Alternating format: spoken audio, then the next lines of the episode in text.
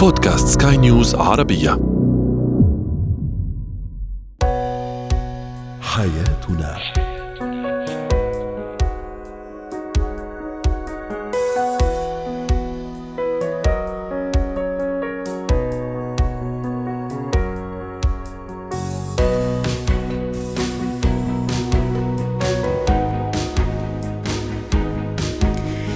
مستمعينا الكرام أهلا بكم معنا إلى حياتنا فضاؤكم اليومي الذي يعنى بشؤون الأسرة وباقي الشؤون الحياتية الأخرى والذي يمكنكم الاستماع اليه عبر منصة سكاي نيوز dot com slash podcast وباقي منصات سكاي نيوز العربية الأخرى شاركونا على رقم الواتساب 00971 561 886 223 معي أنا أمال شابة.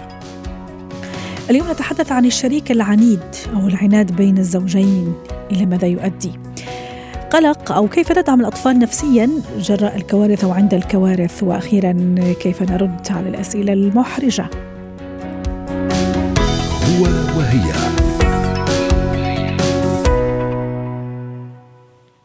لا شك أن العناد صفة سلبية خاصة إذا كانت بين الزوجين ودخلت الحياة الزوجية بشكل مستمر وبشكل يومي صارت هذه الخبز اليومي إذا صح تعبير للزوجين وللحياة الزوجية. كيف نتصرف إذا هذا الموضوع وإذا شريك عنيد أو شريكة عنيدة؟ رحبوا معي بدكتور شافع عنيادي الخبير في العلاقات الزوجية والأسرية. أهلا وسهلا دكتور شافع. شو يعني شريك عنيد؟ شو هي صفاته؟ أول شيء حتى نتفق.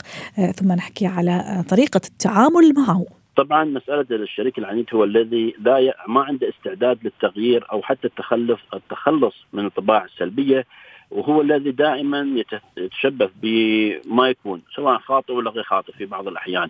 فهو دائما يصر على رأيه يعاند في يعني حتى الآثار السلبية والآثار آه، النفسية الآخر الأخرى على شريك الحياة الثاني. ما يهم أنا هذا رأيي. ومستحيل أتنازل عنه ابدا بمهما كانت الأضرار. يعني هذا هو شخصية عنيدة. جميل. وحتى يمكن تجاهل الطرف الآخر عدم الالتفات لوجهة نظره يعني يكتفي فقط هو بوجهة نظر وحين كمان يصاحبه سرعة غضب دكتور شافع وعدم التحلي بالصبر إذا حاول. ممكن الطرف الآخر يقنعه بالعكس هنا حيدخل في ثورة وفورة من الغضب. ضروري أني أعرف شو اللي خلى هذا الشريك عنيد؟ أقصد ممكن تنشئة اجتماعية تربية يعني طفولته آه، محيط ما مثلا يخليه دائما العناد خاصة أحيانا في بعض الشركاء دكتور شافع زوجات أو أزواج آه، مع بقية الأشخاص بالعكس ودودين وياخذوا ويعطوا في الكلام بس مع الشريك أو مع الشريكة اللي تظهر هذا الصفة. احسنتي هو أحيانا اختلاف وجهات النظر وهذا أمر طبيعي مسألة اختلاف لكن المشكلة الإصرار على وجهة النظر وعدم التكيف وعدم تكيف حتى مسألة الطباع. آه كذلك أختي أمال قلة الحوار، نحن نقول دائما الحوار هو شريان الحياة، العلاقات الاجتماعية بشكل أشمل، فما بالك عند الحياة الزوجية، فلا بد مسألة التواصل والحوار، لأن كل ما قل الحوار كل ما كانت فجوة كبيرة ما بين الزوجين، وهذا الذي يزيد العناد أكثر وأكثر، غير ذلك الآن نحن نصير ضغوطات الحياة والتوتر وما شابه ذلك فنحتاج منا نوع من المرونة والثقافة عن بعض الأشياء بحيث أني أنا اتعامل مع هذه الضغوط. بالعكس أحيانا هذه الضغوط تسبب لي عناد أكثر. أحيانا بعض الشخصيات شريك الحياة لا يعني بمعناته لا يحترم خصوصيات شريك الحياة الآخر. وإذا دخل في مسألة هذا وعدم احترامه آه، بعضهم أختي امال نحن عندنا عندنا شيء اسمه فن إدارة فن إدارة النزاعات ما بين الآخرين. فحلو لو لو هذا الزوجين يتعاملون مع هذا مع هذا الموضوع فن إدارة النزاع أو فن إدارة القضاء فن إدارة الخلافات في موضوع الخلاف ما بينهم.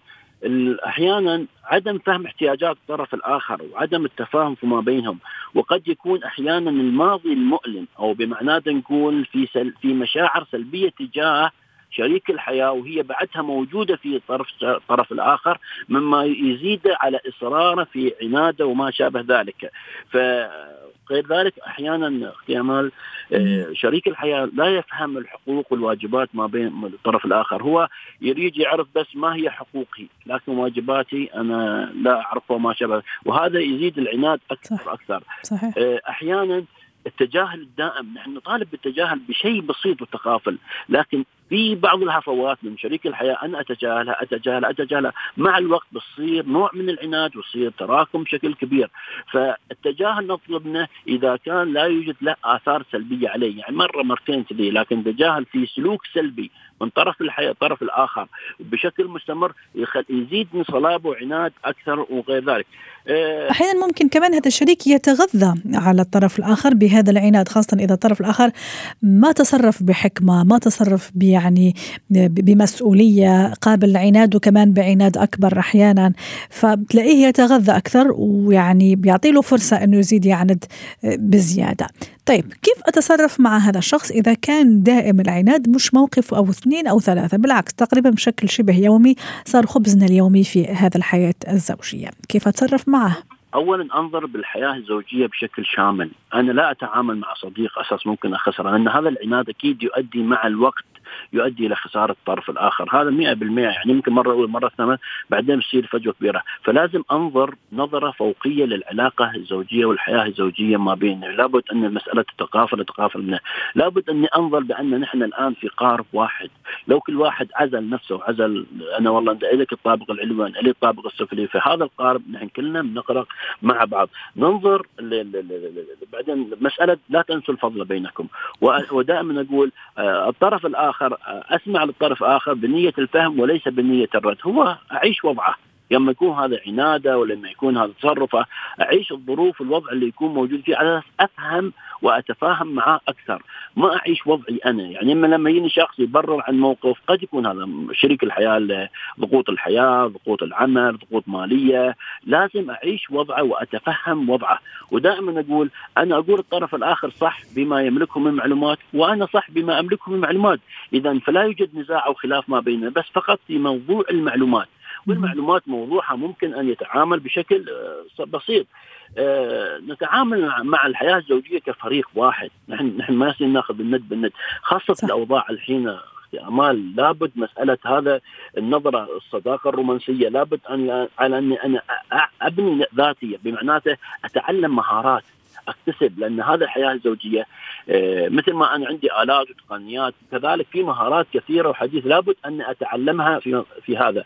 بعدين ننظر في قاعدة 90 10 أختي امال قاعدة 90 10 10% يقول لك من الأشياء اللي تصيبني بسبب أنا ما لي سلطة فيها وهي خارجة عن إرادتي. 90% الأشياء اللي تصيبني بسبب ردة فعلي وبسبب عنادي وبسبب اتخاذ قراراتي. 90% من حياتي. فاذا لما يكون شريك الحياة مخالف لي في رأيي ففترة لا أنتبه لأن هذا الآن 10% لو أنا أصريت بعنادي باقي 90% من الآثار السلبية وغير وغير ذلك. فأنظر بالتس... أنظر لل 90% بأنها تكون بشكل إيه بشكل إيجابي. آه لابد مسألة كذلك نعرف المشكلة بوضوح. يعني قد يكون هذا العناد بسبب سوء فهم بسبب إنه ما فهم نعم. الطرف الآخر وحتى أهتم بهذا هذا التطوير. ونفكر دائما نربط. هذه المشكلة بحلها بشكل بسيط. وأكيد كمان من دون شك دكتور شافع معليش يعني في أثناء فورة العناد هذا يعني يفضل انه نترك هذا الشريك هذا الزوج أو الزوجة لا يهدأ يعني مش شرط أني أجادله أو أناقشه في قمة هذا العناد معليش نترك له مجال ثم نرجع مرة أخرى آه، في لحظة معينة يكون فيها هو متهيئ للكلام. ممكن نرجع نناقش الفكرة حتى نختم مع حضرتك دكتور شافع نعم أنا أقول الحياة الزوجية اختمان نعمة وسعادة فتحتاج منا مجموعة من المهارات تحتاج منا مجموعة من الخبرات وفنون التواصل وفنون الحوار. لا نج... لا نجعل المشاعر والأفكار السلبية تتراكم علينا مما أه تحول حياتنا الزوجية إلى جحيم لأن العناد هذا أختي أمان له آثار على صحة الجسد لا آثار على العلاقات الاجتماعية حتى على إنجازي وعلى عطائي فأنا آه، تاكل من حياتي وتاكل من جودة الحياة الزوجية فأنا أتعامل معها بحيث اني أحل هذه المشكلة بأكثر من كنت ولا أماطل في مسألة العناد لأن مسألة مماطلتي بالعكس تزيد المشكلة أكثر وأكثر. شكرا لك دكتور شافع النيادي خبير في العلاقات الزوجية والأسرية ضيفنا العزيز وأتمنى لك أوقات سعيدة.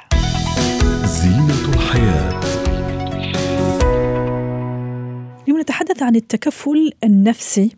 والتعامل آه، الصحيح التربوي والسلوكي مع الأطفال آه، عند الكوارث. طبعا كلنا آه، عايشين ومتضامنين مع ما يحدث في المغرب.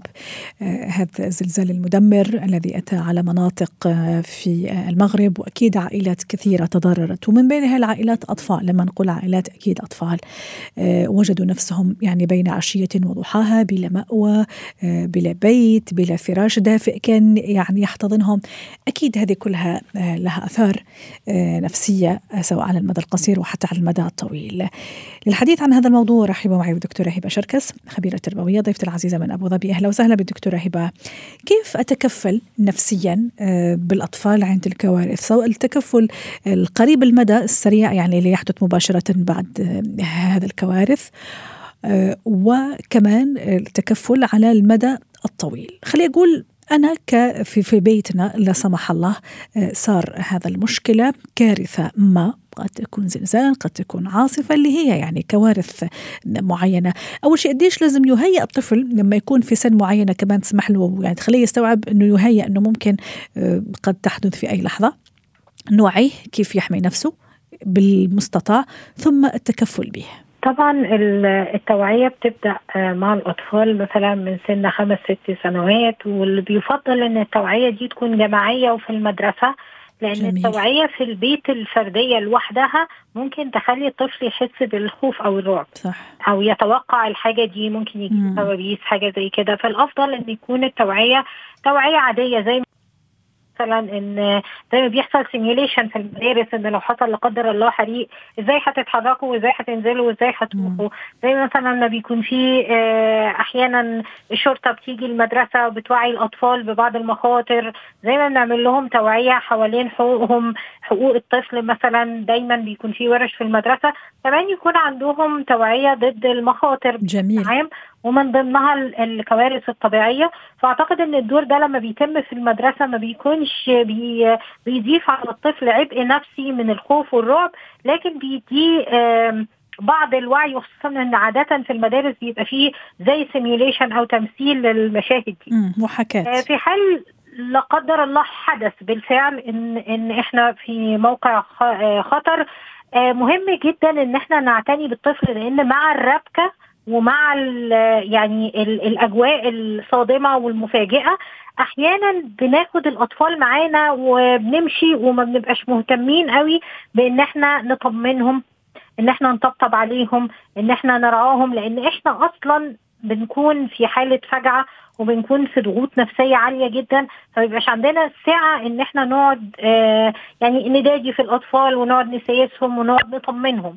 فمهم قوي إن إحنا نتذكر إن الأطفال بالنسبة لهم الضغوطات النفسية هتشكل مستقبلهم وهتشكل واقعهم وإن يكون في شيء من الاهتمام بالطمأنة بالطبطبة حتى لو كانت بابتسامه بنظرة بحضن بضمة بإن أنا أقول له مثلا ما تقلقش لو طفل نجا من غير أهله ما تقلقش آه. إحنا بندور عليهم. هذه يعني كمان يا يا ريت نفصل فيها شوي دكتورة إنه فعلا يعني يعني هي مأساة ويعني خلينا نقول المآسي لا تأتي فرادى أحيانا فعلا هذا الأطفال قد يفقدوا أقرب الناس أمه أبوه يعني جده جدته اللي كمان هذو كانوا يشكلوا له مصدر أمان ومصدر سعادة. كيف التعامل مع هذه الفئة تحديدا؟ هو طبعا إن إحنا يعني في الأول بنبدأ آه، بالراحة بنأهله بالراحة وبنقول له ما زال البحث جاري لأنه بيبقى لسه فعلا في أمل صح. ومع يعني انقضاء الساعات زي ما إحنا بنبدأ نفقد الأمل برضو كمان الطفل بيفقد معانا الأمل بالتدريج الفكرة اللي بتحصل والإيجابية اللي بتحصل في الكوارث الطبيعية إن بيبقى الشخص مش مش في حالة فردية. مش لوحده. غير الحادث الفردي. يعني مثلا لو لا قدر الله طفل فقد أسرته في حادث سيارة هو هيكون وحيد. ومفيش أطفال زيه في المنطقة بتاعته نعم. في الم... في الجوار عندهم نفس المعاناة. لكن الأطفال في حالة الحروب والكوارث الطبيعية الكوارث اللي الإنسان بيستحدثها أو الكوارث الطبيعية بيبقى في رحمة من ربنا سبحانه وتعالى بتنزل مع هذه الكوارث إن بيبقى في مجموعات من الأطفال بيعانوا نفس المعاناة. يعني إذا عمت خفت ولو إنه طبعا الفقد وال... وال... يعني هذا شيء كثير كثير صعب.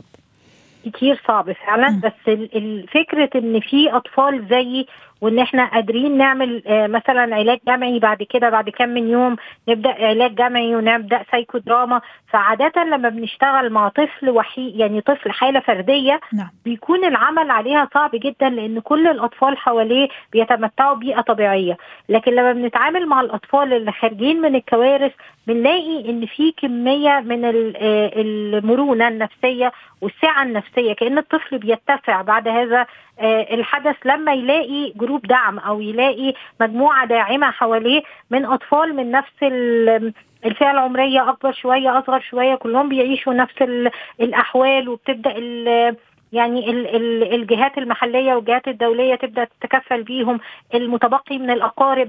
يعني فكرة إن الكوارث الطبيعية بتكون في مجموعات فده بيخفف شوية على الطفل ولكن طبعا ده بيستوجب عناية خاصة من ال من ال من ذوي ال- الطفل من الناس اللي موجودين اللي تبقت بعد هذا الحدث وطبعا التدخل الدولي والتدخل ال ال يعني إن كل الجهات الدولية كل الجهات الداعمه للطفولة تحتاج إن هي تتدخل وبسرعة.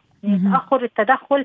ممكن يسبب اللي هو اضطراب ما بعد الصدمة وممكن يؤثر على حياة الأطفال دي على المدى الطويل. فمهم جدا إن يكون في جهات الدولية تتدخل في الوقت المناسب وخصوصا عارفة بعد الحوادث ال- الطبيعية بيبقى في قلق إن حد يروح نفس المكان ويتدخل وكده لأن بيبقى في تبعات لهذه الحوادث. فأحيانا بيتأخر ال- العون النفسي والمدد النفسي وبيبقى بس الموضوع مركز على انتشال الضحايا وعلى ال- الدعم اللوجستي وال- والأكل والشرب والمأوى والكلام ده.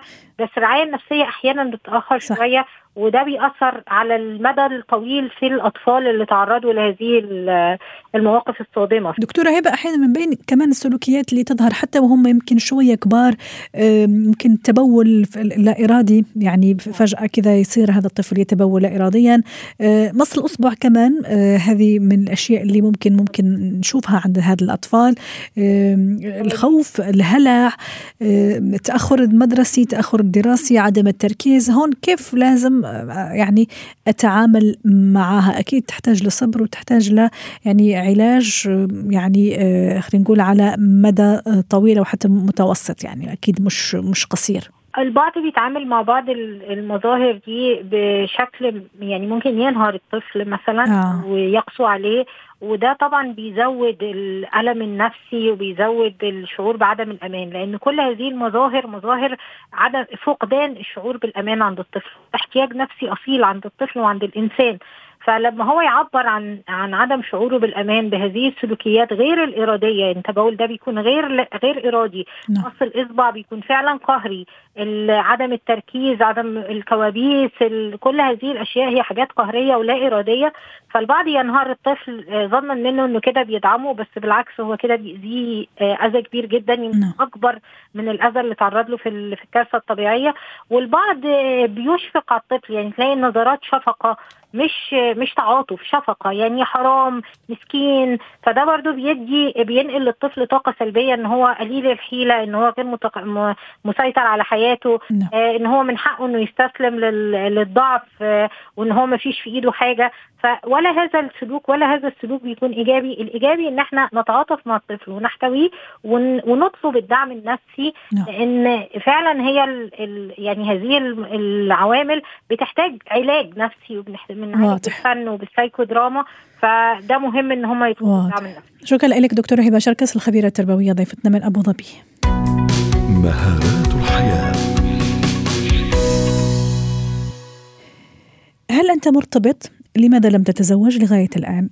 لماذا لم تنجب أو لماذا لم تنجبي؟ كم راتبك؟ كم عمرك؟ لماذا لا تهتم بوزنك؟ لماذا أنت نحيف؟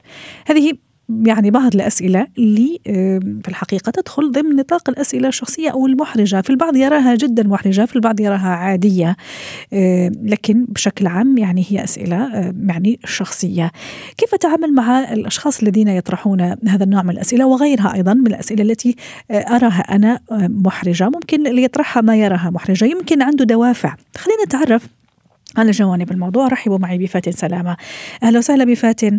آه، في دوافع من وراء هالأسئلة المحرجة ولا لا؟ م- ما لازم أخذها على آه، يعني بشكل شخصي. وإذا كان في دوافع شو ممكن هالدوافع؟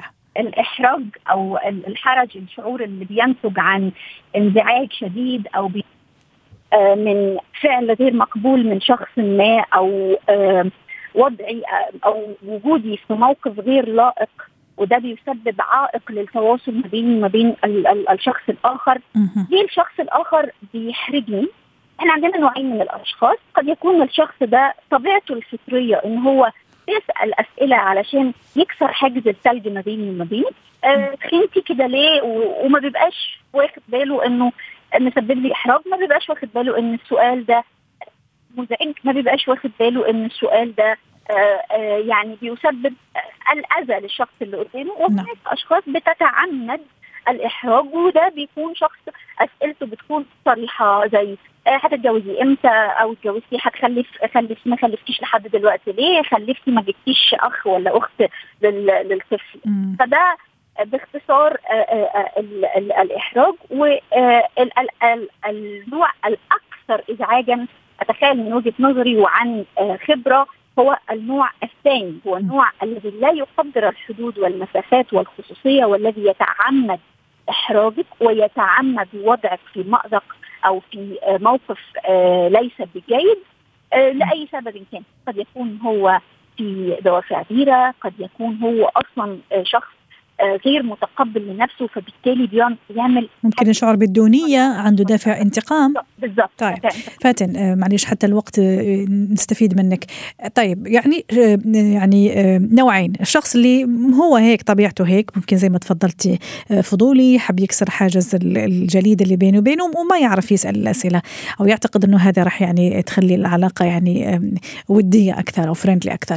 النوع الثاني لا عنده دوافع. كيف أتعامل في كلتا الحالتين؟ خلينا نبدي مثلا من النوع البسيط نفترض أنه هو هيك طبعه ما يقصد إحراجي ولا الانتقام ولا عنده شعور بالدونية النوع البسيط اللي هو الفطري أنا كمان هقدم حسن النية أنا م. كمان هفترض حسن النية وإن الراجل ده مش قصده إحراجي فبالتالي أنا كمان مش مش هحطه في موضع إحراج ولكن المفروض إن أنا أعلمه م. إنه هو معرفتك للسؤال ده هتفيدك في حاجة فبالتالي أنا ببدأ أحط حدود لهذا الشخص. مره طيب. مرة هيعرف إن أنا حدودي أنا اللي بحطها. والإجابة تكون بسؤال يعني مثلا يهمك إيه مثلا أو يهمك إيه, إيه؟ يهمك إيه إن أنت تعرف راتبي يهمك إيه إن أنت تعرف أنا ما اتجوزتش ليه مثلا. جميل. يهمك إيه إن أنت تعرف أنا لسه ما خلفتش لحد دلوقتي. أو الإجابة تكون مفتوحة اللي هو والله ربنا عايز كده والله ده ده ده ده, ده نصيبي. ليه؟ لأن هو الشخص ده هو عايز يتكلم معاكي. هو مش همه. انت هتجاوبي طيب. تقولي له إيه؟ هو همه إن انت تجاوبي. طب نروح للفئه الثانية وباختصار واعطينا أكبر قدر من من الأجوبة المفيدة. الثانية وما أكثرها وعالم التواصل الاجتماعي خلى الناس يعني انت حرة في حياتك وإحنا حرين في حياتك برضه يعني انت تبدا إحنا نتدخل إحنا كمان. أول حاجة الناس دي لازم تبدي انزعاجك مني لازم أبدي انزعاجي بطريقة فيها بروتوكول. لازم أعرفه إن أنت اللي انت بتعمله ده شيء منفر وشيء سيء جميل إذا ابدي انزعاجي نقطة ثانية فاتن النقطة الثانية إن أنا أحول الإجابة لسؤال آخر يعني راتبك كام؟ راتبك راتبك كام؟ أنت بتاخد راتب كام؟ طيب. آآ آه، آآ آه، مثلا ما خلفتيش ليه؟ ما خلفتش أنت 10 عيال مثلا طيب النقطة الثالثة أغير الموضوع الثالثة إن أنا أغير الموضوع أغير الموضوع تماما هو بيسأل سؤال فأنا بجاوب على الطقس والله الجو النهارده حر لا طب هنتغدى إيه؟ فبالتالي هو عارف إن انت مش هتجاوبي رابع حاجة أو النقطة اللي بعد كده عشان أنا تهت في في الأعداد الشخص ده لازم أقول له إنه متهيألي مش هتستفيد حاجة لما تعرف الإجابة. الإجابة دي مش هترجع عليك بحاجة مش هتعود عليك بحاجة. لأن زي ما بنقول أنت كشخص جبر ما عندكيش limit أنت معطاءة فما عندكيش limit هو ك taker أو هو كشخص عايز يحرجك وعايز وعايز ياخذ من غير limit شكرا لك فاتن أسعدتيني وأتمنى لك أوقات سعيدة. تم حلقة اليوم من حياتنا. شكرا لكم وإلى اللقاء.